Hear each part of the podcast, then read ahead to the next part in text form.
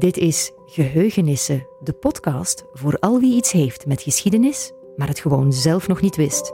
Ik ben Julie van Boogaard en ik maak deze podcast voor de vakgroep Geschiedenis van de Universiteit Gent. Op 11 november herdenken we traditiegetrouw het einde van de Eerste Wereldoorlog. En dit jaar, in 2018, was die herdenking natuurlijk wel extra bijzonder. Toen was het exact 100 jaar geleden dat de wapenstilstand werd afgekondigd. Daarom wijdt Geheugenissen niet één, maar twee afleveringen aan de Grote Oorlog. Je kon al een ontroerende podcast horen waarin soldatendagboeken centraal stonden, droevig weer voor zulk een schone dag met Roos Spijkerman. En nu wapenstilstand weer achter ons ligt, vragen we ons af hoe het de Belgische soldaten verging na de oorlog. En daarvoor had ik in de studio van Urgent FM niet één, maar twee historici van de Universiteit Gent te gast. Professor Toon Vrins en doctoraatsonderzoeker Martin Schoeps. Ik ben Toon Vrins, ik doseer geschiedenis aan de vakgroep Geschiedenis. Ik heb twee grote terreinen van onderzoek. Enerzijds de sociale geschiedenis van de Eerste Wereldoorlog, waar we het vandaag over zullen hebben. En anderzijds criminaliteitsgeschiedenis in lange termijn perspectief.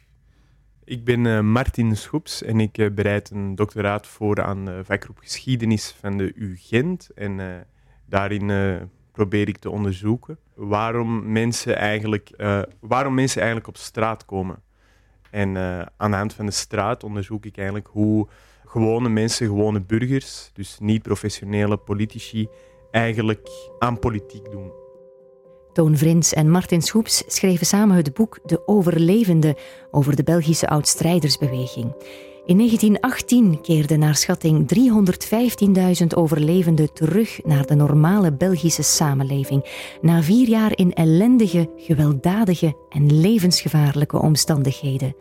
Een ervaring die hun blik op de wereld voor de rest van hun leven zou bepalen. Die mannen, en het waren uitsluitend mannen, die hadden natuurlijk heel sterk het gevoel dat zij vier jaar van hun leven in zekere zin waren kwijtgespeeld. En ze waren zich zeer goed bewust van het offer dat zij uh, gebracht hadden. En ze vonden ook dat zij recht hadden op erkenning daarna. Dus dat, dat zal eigenlijk heel sterk hun, hun doen en laten gaan bepalen, de jaren na 18. Van meet af aan, van, van zodra ze uit uh, die loopgraven komen gestapt, krijg je zo heel sterk het gevoel, wij willen hier erkenning voor wat we hier de afgelopen jaren hebben gedaan. En die erkenning, dat moest dan iets meer zijn dan een decoratie, zoals we in eh, de podcast met Roos hoorden, was dat wel iets heel belangrijks voor hen, maar dat mocht toch wel iets meer zijn? Ja, die morele erkenning was ook heel belangrijk, maar die erkenning was eigenlijk een medaille met twee zijdes, want zij vonden dat materiële vergoeding, dus eigenlijk een schadevergoeding, voor alle schade die ze geleden hadden, dat het eigenlijk ook een vorm van erkenning was. Dus zij maakte die scheiding niet zo duidelijk als de ministers het uh, graag gezien zouden hebben. Wat waren dan hun eisen of verwachtingen? Hoe, hoe wilden ze dan compensatie krijgen voor hun, hun lijden of het risico dat ze genomen hadden? Ze wilden eigenlijk een schadevergoeding. En schade was eigenlijk een schade voor alle verloren tijd. Dus alle tijd die ze eigenlijk uh, in scheiding, in scheiding van hun familie, hadden uh, moeten doorbrengen, dat zagen zij heel duidelijk als echt een vorm van schade. Ook spaargeld dat opgebruikt was in de tijd. Je moet ook rekenschap geven. Ze hadden eigenlijk niks verdiend in die periode. Dus ze deden dat eigenlijk onbezoldigd. Ze kregen 10 centimen per dag. Dus ze hadden eigenlijk niks. Ze kwamen eigenlijk berooid uit die oorlog. Dus die allereerste, die allereerste eis die zij, die zij gaan formuleren, is die eis voor een schadevergoeding. En dan daarnaast zie je ook dat ze een pensioen, dus een pensioen voor de voor hun ouderdom, maar uh, ook voor de invaliden. Dus de invaliden gaan, omdat ze werkonbekwaam zijn, omdat ze een verlies eigenlijk hebben van hun uh, inkomen, gaan die een pensioen eisen van de staat. Um, en het derde, de derde, het derde belangrijkste um, veld is eigenlijk uh, banen. Ze willen eigenlijk een baan bij de overheid, een baan bij de gemeente, bij het spoor, boswachter. Dus ze eisen eigenlijk dat zij bij die overheidsbanen, die bij hen in eigenlijk hoog aanzien staan, eisen zij eigenlijk een voorkeursbehandeling. Dus vanuit het idee, wij hebben echt wel iets gedaan voor ons land, nu mag ons land wel eens iets terug doen voor ons. Hoe, wilden ze dan, eh, hoe hebben ze dan hun stem laten horen? Hoe hebben ze die eisen uh, kenbaar gemaakt? Het is onwaarschijnlijk hoezeer, hoe actief dat die groep geweest is in effectief ook in het afdwingen van zijn eisen. Die, die groep is enorm veel op straat gekomen, echt massaal, op een schaal en intensiteit en een frequentie die eigenlijk nooit eerder gezien is, denken wij, in de, in de Belgische geschiedenis. Je zou dus eigenlijk kunnen zeggen dat die oorlog een heel sterk politiserend effect heeft gehad op die oudstrijders. Die oudstrijders stamden voornamelijk uit de arbeidersbevolking, de boerenbevolking, uh, landarbeiders, mensen die vaak doorgaans uh, niet politiek actief waren geweest voor de oorlog, maar uit die oorlog komen het idee, wij, wij willen onze stem laten horen. En dat zullen ze ook heel nadrukkelijk gaan doen. En dat neemt de vorm aan van allerlei straatacties, uh, gaande van grote nationale betogingen met tienduizenden mensen, tot heel kleine herdenkingen in hun dorp. En het is niet zo, hebben voor ons onderzoek hebben eigenlijk dat, die hele brede, dat hele brede gamma van die acties onderzocht. Dus zowel de nationale betogingen als herdenkingen en pelgrinages en optochten en feesten. Want je ziet eigenlijk dat je niet, geen onderscheid kunt maken tussen die acties waar dan eisen werden gesteld en andere waar bijvoorbeeld hun kameraden werden herdacht. Dat loopt eigenlijk allemaal in elkaar door. Je ziet bijvoorbeeld bij zo'n herdenking of een huldiging, en dan krijg je bijvoorbeeld een medaille opgespeld. Maar als dat bijvoorbeeld gebeurt door een burgemeester die helemaal kosher was geweest tijdens de oorlog, dan kunnen die uitstrijders er heel snel een zeer politieke protestactie van maken. We hebben zo ongeveer een 1400-tal acties gereconstrueerd, maar dat is ongetwijfeld maar het tipje van de ijsberg. Eigenlijk was er elke week in vele plaatsen in België waren publieke activiteiten uitgaande uh, van die oudstrijders. En hoe moet ik mij dat dan voorstellen? Hoe ging het daar aan toe? Was dat een quasi-militaristische sfeer die daar hing? Of uh, wat was het karakter van die manifestaties? Nou, militaristisch eigenlijk zeker niet. Ze waren eerder ze hadden eigenlijk hun buik vol van dat militarisme. Ze hadden vier jaar lang die ellende moeten doorstaan aan het front. En bovendien vonden ze ja, de confrontatie met het militaire apparaat in die hiërarchie door de band genomen, waren ze daar ook niet zo gelukkig over. Je ziet dus dat bij die uitstrijders een heel sterk ressentiment tegen de officieren bestaat. En dus als zij acties gaan opzetten, of stoeten en dergelijke, dan zeggen zij heel, zeer zelfbewust van zichzelf, ja, wij lopen niet meer in het gelid. We hebben al vier jaar in het gelid moeten lopen, hè, daar hebben we onze buik van vol. Ze, ze namen vaak hun vrouw en kinderen ook mee. Uh, het werd veelal ook rijkelijk overgoten uh, met drank. En uh, er zat weinig tempo in al die optochten en zo. Dat ging, Beetje gezapig. Het, was, het was redelijk gezapig. Bolhoeden, strohoeden, ehm, jasjes, langdradig cafébezoek. Het is zeker geen niet altijd een lode ernst. Hoewel, soms kon er ook wel een lode ernst zijn. Bijvoorbeeld als, als het over hun gevallen kameraden ging, kon ze bijvoorbeeld ook een, een, een optocht houden in, volledige stilte. Hè. Ze kon ook echt een, dat was een stijlmiddel dat we wel vaker gebruikten, met een, een heel ernstig gezicht op. En dan, dan waren volkomen, was muisstil en droegen ze zelf geen spandoeken mee om de, boods, om de, boodschap van ernst uh, nog veel meer kracht uh, bij te zetten. Die spandoeken, wat, wat voor slogans stonden daar zoal op? Ja, zo ophefmakend, zo ophefmakend uh, mogelijk. Dus uh, het was voor hen, net als vandaag, een, uh, een kwestie van aandacht te krijgen, een kwestie van een, van een plek in de krant te veroveren. Dat was vroeger niet anders dan het nu is. En vaak waren die dus um, ja, zeer, zeer beschuldigend. En dan liepen ze naar het parlement met een spandoek helemaal vooraan. Glorie aan de uitbuiters, misprijzen aan de soldaten waarmee ze dan eigenlijk de regering beschuldigden dat die eigenlijk alleen maar uh, gaf aan de profiteurs en ondertussen de oorlogshelden negeerde. Wacht, ik heb er een paar uh, opgeschreven, dus ik kan u... Dus bijvoorbeeld, minder feesten, meer brood. En als ze aan het, aan het parlement komen, aan de ijzer was het niet achteruit, maar vooruit. En bijvoorbeeld zijn ook heel, heel boos op de administratie dat die zo traag werkt. En dan hadden ze het volgende opschrift verzonnen heren bureelratten, een beetje respect, alstublieft. wat, je dus hoort in al die slogan is toch een zekere mate van verongelijkheid. Hè? Het idee, het is ellendig geweest, wij hebben dat allemaal moeten doorstaan. En heb je heren bureaucraten die de oorlog in gezapige kantoren behagelijk hebben doorgebracht. En die doen nu lastig met formulieren allerhande als wij een kleine schadevergoeding willen. Of anderszins heb je... Um, Mensen die tijdens de oorlog hun zakken hebben gevuld uh, door handel te drijven met de vijand. Uh, die mensen die worden ontzien, die, die krijgen nog allerhande rijkdom bovenop. Hè. Hun gaat het wel en wij, wij, moeten, wij krijgen hier een, een, een droge korst brood. Wij worden met een kluitje in het riet gestuurd. Dus dat sentiment van wij hebben hier iets gedaan en wij zijn er eigenlijk onvoldoende voor beloond, terwijl andere mensen niks hebben gedaan of zelfs slechte dingen hebben gedaan en die schaamteloos hun zak hebben gevuld. Dat morele contrast, dat voeren ze eigenlijk de hele tijd op. Zelfs op het moment dat het eigenlijk niet meer helemaal waar is. Want uh, uh, de uitstrijders slagen erin eigenlijk voor zichzelf eigenlijk toch een heel behoorlijk uh, sociaal statuut af te dwingen, behoorlijke uitkeringen en premies. dat betekende allemaal nogal wat. Dus ze waren eigenlijk heel effectief geweest in het afdwingen van hun eigen rechten. Dus met de tijd uh, wordt dat ook een soort stijlfiguur. Hè? Wij, hebben zo, wij hebben zwaar geleden, wij blijven zwaar lijden. We worden onvoldoende beloond. Vraag is of ze ooit het gevoel zouden kunnen krijgen. Of het ooit is genoeg Of het ooit genoeg zou zijn, ja. wellicht nooit. Die, die profiteurs en zakkenvullers, uh, uitbuiters die jullie vernoemen, uh, ja, wie, wie waren dat juist? Ja, dus profiteur is eigenlijk dus een, dus een verzamel, verzamelnaam voor, voor, een, voor een hele grote groep. En, en wat verbindt die groep? Dat zijn eigenlijk alle mensen die ervan beschuldigd of verdacht van worden geld verdiend te hebben tijdens de oorlog. Dus eigenlijk rijk geworden te zijn uh, van de oorlog. Twee heel belangrijke groepen. Eén, boeren. Omdat de, de, de voedselprijzen heel erg zijn gestegen, stijgen ook de winstmarges enorm. Dus boeren zijn in allereerste plaats kop van Jut.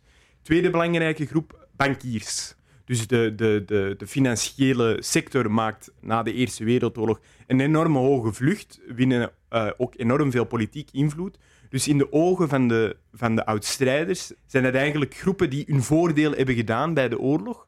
Je hebt dan bijvoorbeeld ook de zeepbarons, omdat de prijs van uh, zeep enorm stijgt tijdens de oorlog.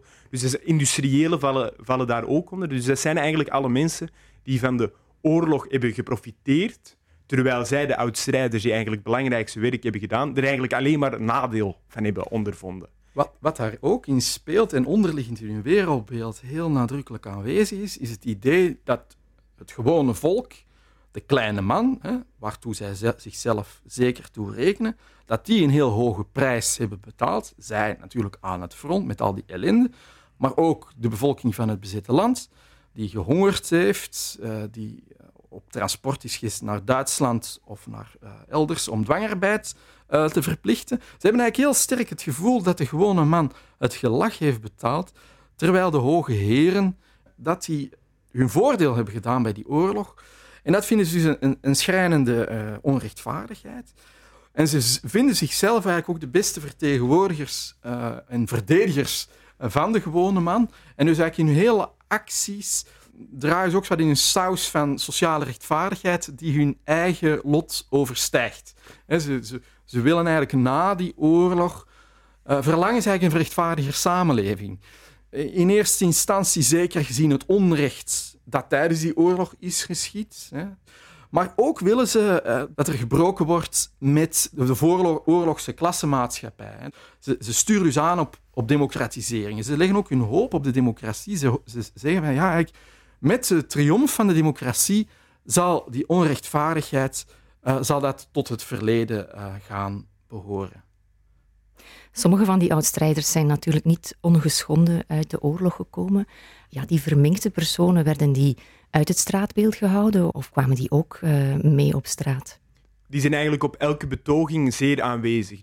meestal wordt de betoging voorafgegaan door um, oorlogsverminkten in hun karretjes.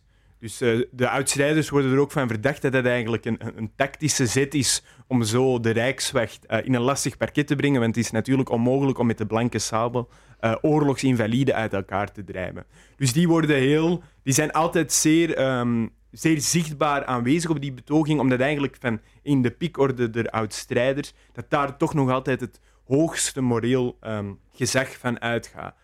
Aan de andere kant is eigenlijk, hoeven de oorlogsinvaliden voor hun voor hun eigen rechten, dus eigenlijk voor hun specifieke pensioenen, voor hun specifieke vergoedingen die eigenlijk specifiek over uh, oorlogswonden gaan, hoeven, de, hoeven die eigenlijk nooit op straat te komen, juist omdat er zo'n moreel gewicht van hen uitgaat.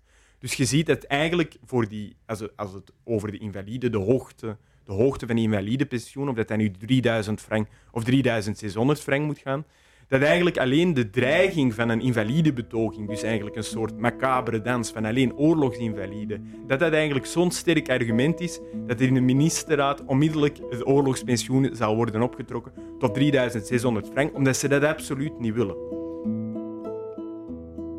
De oud-strijdersbeweging wordt nogal vaak in één adem genoemd met de Vlaamse beweging. Die Vlaamse beweging, zo wordt beweerd, die zou geboren zijn in de loopgraven. Vlaamse beweging bestaat natuurlijk al een heel stuk langer. Hè. Bestaat van zodra dat België onafhankelijk wordt, ontstaat er een, Vlaamse beweging. Uh, maar het is natuurlijk onlogenbaar zo dat die oorlogservaring een enorme uh, katalysator voor de Vlaamse beweging is geweest in allerlei opzichten. Je hebt natuurlijk de, de collaboratie gehad uh, van het activisme in het bezette land. De Duitsers voeren een Vlamenpolitiek, waarbij ze dus bijvoorbeeld de Universiteit van Gent heropenen als een vernederlandse universiteit. Dus dat creëert een radicale nationalistische uh, beweging, het zogenaamde activisme. Uh, maar ook, hè, dus, dat zou je dus een radicalisering kunnen noemen, dat is zeer zeker een radicalisering, want onder die activisten zie je ook een, een, een sterk anti-Belgische stroming. Voor de oorlog van 1418 bestond er eigenlijk geen anti-Belgische stroming in de Vlaamse beweging. Maar het is niet enkel in het bezette land, maar ook aan het front zie je een, een radicalisering. Enfin, die oorlog heeft een, dubbelzinnig effect natuurlijk. Die oorlog versterkt enorm hè, de gevoelens van Belgische vaderlandsliefde, maar tegelijkertijd stimuleert hij ook uh, Vlaamsgezinde gevoelens. dat is bekend uit, uit, de nationalistische martyrologie over de frontbeweging en het, lijden hè, der Vlaamse soldaten aan de ijzer, dat, hè, die dan zogezegd hè, door een uh, Vlaams onkundige legerleiding de dood zou zijn ingejaagd, met name met opzet. Die mythe is al heel lang ontkracht.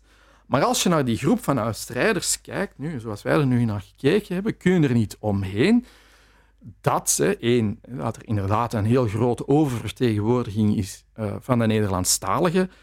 Uh, en zeker bij de troepen die in de frontlinie uh, gestaan hebben, zeker onder de gewone soldaten. dat, is, dat is ten dele ook te verklaren natuurlijk, gezien de bezetting van Wallonië kon er geen verse, of veel moeilijker verse aanvoer van Franstalige recruten toegevoegd, aangevoerd worden. Maar toch zie je een heel sterk, dus een objectief gegeven, een, een van de Vlaamse soldaten. En anderszins zie je toch ook wel een, een uitgesproken Vlaams gezindheid onder die soldaten. Nu nog los van de frontbeweging zie je dat een heel sterk gevoel bestaat. En wij kaderen dat eigenlijk in die bredere afkeer van die bourgeoiswereld van voor de oorlog. Hè. Dat men niet meer wil, dat men die ongelijke samenleving van voor de oorlog, dat men die niet meer wil accepteren. En je ziet dus dat er onder, in die brede groep van, van oud-strijders een Vlaamsgezindheid bestaat. Dus niet enkel in het VOS, het Verbond der Vlaamse oud-strijders. Het is natuurlijk al tekenend dat er zo'n VOS uh, ontstaat. Uh, dus een aparte bond voor Vlaamse oud-strijders die flamingantisch is. Maar daarnaast ook bijvoorbeeld in de Nationale Strijdersbond van België, dus de overkoepelende nationale organisatie, zie je dat de Vlaamse vleugel Vlaamsgezind is, heel sterk staat op de gelijkheid der landstalen. En dus zelfs in die ogenschijnlijk zeer Belgicijne groep uh, zie je zeer uitgesproken Vlaamsgezinde gevoelens.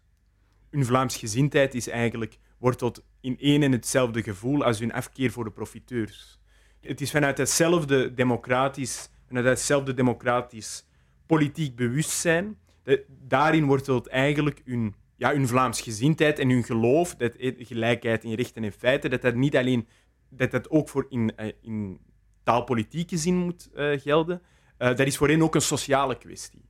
Dus dat is ook een, een, een, een, kwestie voor die voor hen wortelt in eigenlijk een democratische, democratische ambitie. Maar dan moet je ook rekenschap geven dat die Vlaamsgezindheid vlak na de Eerste Wereldoorlog ook niet anti-Belgisch is. Dus dat uh, is echt, wij willen Vlamingen zijn in België. Ze noemen zich Vlamingen en Belgen. Dus dat is iets dat uh, in de loop der tijd een soort van. Uh... Ze hebben natuurlijk hun leven gewaagd voor België. En ik kan me mhm. voorstellen dat dat wel een heel ja, ja, lastig manoeuvreren is tussen nee, die twee identiteiten. Niet. Nee, eigenlijk niet. Je ziet dat dat eigenlijk vlak na de oorlog vooral, dat, dat, zeer, dat ze dat zeer soepel doen. Voor hen is dat eigenlijk ook helemaal geen tegenspraak. En ze ziet, je ziet ook dat ze die symbolen moeiteloos combineren. Ze combineren de Belgische vlag moeiteloos met de Vlaamse leeuw. Ze combineren de verschillende liederen ook moeiteloos. Dus voor hen is dat eigenlijk ook geen, geen, geen tegenspraak.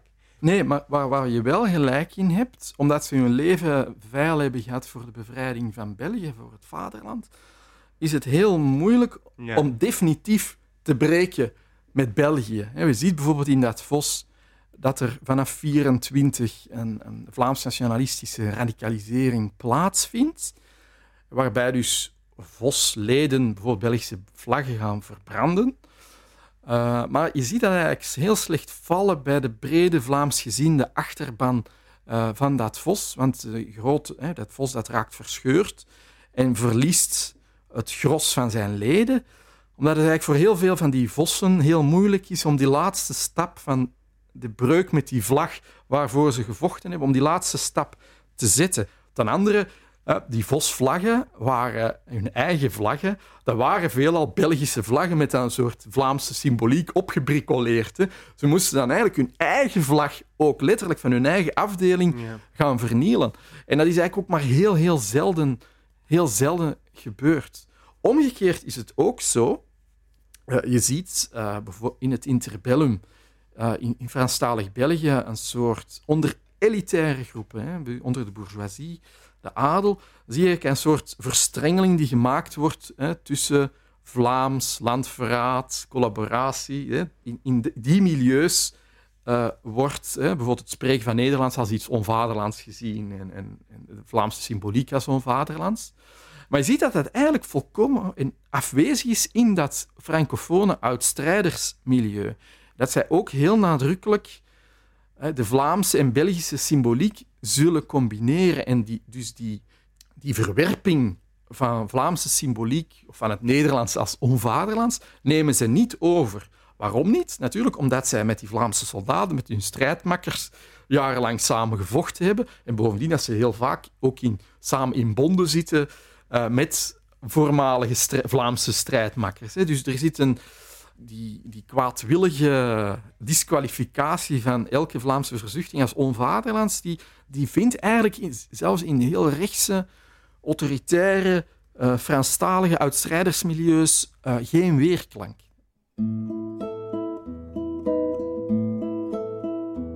Het verhaal van Vlaams nationalisme in het oudstrijdersmilieu is dus genuanceerder dan je zou denken.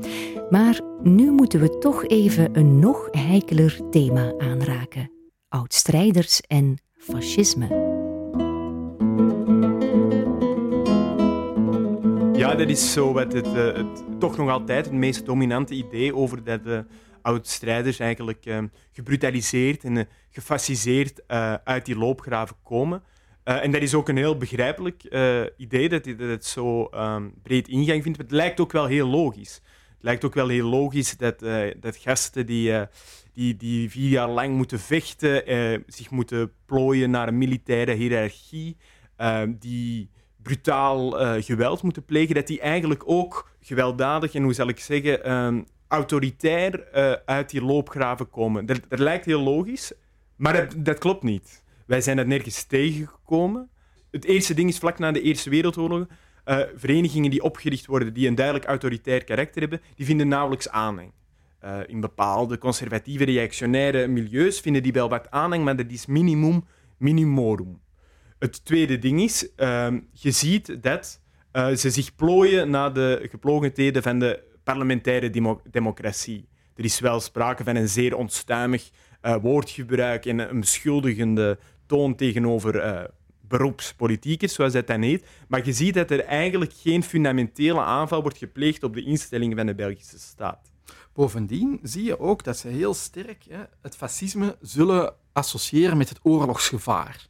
Ze zien daarin, en wat ze eigenlijk bovenal willen, is natuurlijk geen nieuwe oorlog. En ze zien dus in dat opkomende fascisme in Europa uh, dreigend oorlogsgevaar. En dat beperkt eigenlijk de aantrekkingskracht eh, van het fascisme onder die voormalige strijders, omdat zij natuurlijk weten wat oorlog is en daar dus alles behalve heimwee uh, naar hebben. Dus, dus, eigenlijk zou je kunnen zeggen dat die jouw strijdersbeweging een heel democratische beweging Vredelievend, vredelievende beweging. Een, een vredelievende beweging. En niet altijd in haar optreden, laten we zeggen, gezien het soms wat onstuimige karakter. Uh, maar toch vredesgezind, uh, zou, zou ik zeggen. Weliswaar met een, sterk populistische ondertoon van wij zijn het, het, kleine volk, het goede kleine volk tegen die slechte elites. Dat zit er zeker in. Maar toch vooral een heel sterk democratisch elan. Ehm, dus in, de jaren twintig merk je daar dus eigenlijk heel weinig van, van de mogelijke aantrekkingskracht van het fascisme onder de Belgische oud-strijders. Wat natuurlijk in, in Duitsland, maar zeker in Italië, uh, dat nadrukkelijk wel anders is. Maar dat heeft ook te maken met het feit dat bijvoorbeeld in Italië heel nadrukkelijk door Mussolini een mythe wordt geschapen en door het regime ook wordt verbreid van die fascistische oud-strijder. Die, de, onze beweging, hè, de solidaire volksgemeenschap, die is geboren in de frontgemeinschaft, hè, waar mannen het voor elkaar opnemen. Maar daar merk je dus eigenlijk heel, heel weinig van in België, van dat martiale, fascistoïde tendensen in de oudstrijdersbeweging, behalve rond het, e-, vanaf het einde van de jaren twintig, verandert er iets. Uh, verandert er plots iets. Zie je dat naast en in belangrijke mate in plaats van die bestaande democratische oudstrijdersbeweging een elitaristische, militaristische, fascistisch is te sterk, een ja, rechtsconservatieve uh, uitstrijdersbeweging, alternatieve uitstrijdersbeweging wordt opgezet, uh, die wel marcheert, die wel optrekt in een kolonnes uh, waarmee ze in 18 was opgetrokken, onder leiding van haar generaals van destijds en met stevige uh, steun van het leger. En zeer waarschijnlijk ook van koning Albert. Er waren dus bepaalde powers that be die in het koninkrijk dat wel wenselijk vonden dat er naast of in plaats van die roerige democratische uitstrijdersbeweging een beter geëncadreerde militaristische uitstrijdersbeweging op poten werd gezet. Ja, waarom? dat is we, zien dat dus plots, uh, plots opkomen. We hebben daar geen smoking gun voor gevonden. Het is niet dat er iemand ooit uh, een, een, bevel gegeven heeft. Althans, we hebben daar, geen, daar niet het, het, het papiertje voor gevonden, de bron voor gevonden. Maar het is duidelijk dat de legerleiding, dat de koning uh, daar eigenlijk achter zit. Ja, eh, die koning Albert I, de naam is gevallen. Uh, in de vorige aflevering kwam hij een beetje over als, ja, als bijna een heilige, iemand die op handen werd gedragen door de frontsoldaten. Um, maar ik dacht dat jullie daar wel een andere kijk op hadden. Dat beeld klopt wel. Uh, we hebben er een iets cynischer, nee, niet per se cynisch, we hebben er een iets tactischere lezing van omdat Albert zich, die deed die dingen juist omdat hij zich zo bewust was van de gevoeligheden van zijn soldaten. Dus hij wist zeer goed wat er leefde bij zijn soldaten. En wat leefde er bij zijn soldaten? Afkeer tegenover de officieren die zich niet in de loopgraven begaven. Afkeer tegenover de profiteurs. Dus wat deed Albert? Hij zat niet heel de tijd, maar toch ten gepaste tijden verscheen hij in de, in de, in de loopgraven. Uh, hij zei tegen eh, woekerende slagers dat ze hun prijzen naar beneden moesten halen. En hij sprak ook met die soldaten als van man tot man. Ze zeggen dat ook wanneer hij overlijdt. Het was een gewone, hij sprak tot ons als een gewone man zonder enige pretentie. Dus hij was zich heel bewust van die ressentimenten, die, die, die, die, die anti-elitaire ressentimenten, die leefden bij zijn soldaten. Dus wat gaat hij doen tijdens die oorlog? Hij gaat eigenlijk zijn, hele, zijn eigen imago herschapen naar dat van de gewone burgersoldaat-koning. Dus je ziet waar hij voor de oorlog nog een iets, nog iets aristocratischer, nog zich iets meer beroept op zijn adellijk verleven, gaat hij zich eigenlijk na, na de oorlog eigenlijk rebranden als een gewone volkskoning, echt, als een populaire koning. Dus hij speelt daarmee, of dat hij nu, ik kan niks zeggen we kunnen niks zeggen over de intenties, of dat het nu wel gemeend was of goed bedoeld, maar het was zeer effectief. Ja, Albert was een geniale politicus. Dat, dat is eigenlijk, enfin, daar zijn we, zijn eigenlijk, eerlijk gezegd versteld van komen te staan hoe een geniale politicus hij eigenlijk was. Je ziet tijdens de oorlog inderdaad dat hij met hoeveel sociale intelligentie hij optreedt, maar ook meteen in 18 dat hij zich volop schaart achter die democratisering en dat eigenlijk luidt, zich zeer goed bewust zijnde van de verzuchtingen, de democratische verzuchtingen die onder zijn soldaten leefde. Hij, weet daar moeiteloos op in te spelen. En zie ook verder in de jaren 20 en 30 dat hij heel goed met die uitstrijders door deur kan en hij heel goed weet te bespelen. Zo leren we toch een andere kant van koning Albert kennen dan zijn imago van koning ridder. De gesprekken die ik met Toon en Martin had, hebben me eigenlijk wel verrast. Ik ging er namelijk van uit dat ik kennis zou maken met een uitgebluste, gedesillusioneerde generatie die verbitterd en cynisch op de oorlog terugkeek. Er heerst uiteraard verontwaardiging en verbolgenheid, maar die negatieve gevoelens weten de oud-strijders, althans in hun publieke optreden, op verbazingwekkende wijze om te zetten in een ongeziene levenslust. Alsof ze uit het bewustzijn dat ze er net zo goed niet meer hadden kunnen zijn, een onuitputtelijke levensenergie hebben gehaald. Wat heel belangrijk is om in te zien, is dat ze enorm trots zijn op wat ze hebben gedaan. Ze vinden dat een enorme straffe verwezenlijking van zichzelf. Dat is eigenlijk bijna een bovenmenselijke inspanning die zij vier jaar lang hebben geleverd, zowel fysiek als emotioneel. Dus je moet goed verstaan dat zij bijzonder trots zijn op zichzelf en dat zij uit die inspanning, uit het volbrengen van die inspanning, het overleven van die inspanning, dat ze daar heel veel zelfvertrouwen uit halen. Dus ze komen eigenlijk 10 centimeter groter uit, uit die oorlog. Dus eigenlijk die erfenis van die, van die oorlog is, is, is in die zin wel dubbel, denk ik. Dat ze eigenlijk uit die verschrikkelijke oorlog halen ze eigenlijk zelfvertrouwen. En uit dat zelfvertrouwen halen ze eigenlijk de durf om te spreken en om op tafel te slagen. En daar halen ze op een of andere manier, van iedereen, van de burgemeester tot de eerste minister tegen de schenen te stempen, halen ze ook wel heel erg veel plezier, denk ik. Ja, ze, ze, ze, ze, eigenlijk heel veel plezier uit hun acties, uit het samen zijn, elke zondag naar het café, want ik moet naar de bond. Uh, dus dat is hè, sociaal gezien zeer zeker zo. En ook dat prestige, daar genieten zij toch ook wel van. Maar wat langs de andere kant ook ongetwijfeld meespeelt en wat we over ons moeten vragen, wat heel moeilijk is om achter te komen of de vinger op te leggen, is natuurlijk waar halen ze die drive vandaan om dat dan jarenlang vol te houden, om op straat te blijven komen en opnieuw en opnieuw en opnieuw dezelfde rituelen op te voeren en dezelfde vertogen te houden en dezelfde uh, marsen uh, uit te voeren. Het is niet zo ah, dat ze nu in een stilhoekje wegkruipen. Integendeel, ze zijn zo aanwezig dat de goede gemeente er op de duur ook echt genoeg van heeft. Maar ze, en ze weten, ze beseffen dat zelf. Ja, we, beseffen dat jullie hebben er genoeg van. Het is, het is ook altijd hetzelfde, maar we kunnen niet anders. En ze voelen die, die behoefte om die oorlog altijd weer onder de aandacht te brengen. Dus dat wijst erop dat dat toch een heel ingrijpende ervaring geweest is. Dat ze eigenlijk die oorlog nooit hebben kunnen loslaten. Als jij de oud-strijders nog niet kan loslaten, dan kun je het boek lezen dat Toon Vrins en Martin Schoeps over hen schreven. Het kreeg de titel De Overlevende, de Belgische oud-strijders tijdens het interbellum en het is uitgegeven door Polis. Zondag 18 november wordt het voorgesteld in het Vredecentrum in Antwerpen. Op de Facebookpagina van Geheugenissen vind je de nodige details over het boek en de boekvoorstelling. Altijd fijn als je die pagina dan ook liked en je op geheugenissen abonneert in je podcast-app. Dat helpt onze podcast een steeds breder publiek aan te spreken en het helpt ook jou op de hoogte te blijven van nieuwe afleveringen en bijkomende achtergrondinformatie. De volgende aflevering van Geheugenissen zal live worden opgenomen op het WOW Wetenschapsfestival in Gent op zondag 25 november. Maar liefst vier verschillende historici zullen dan hun licht laten schijnen over het thema diversiteit.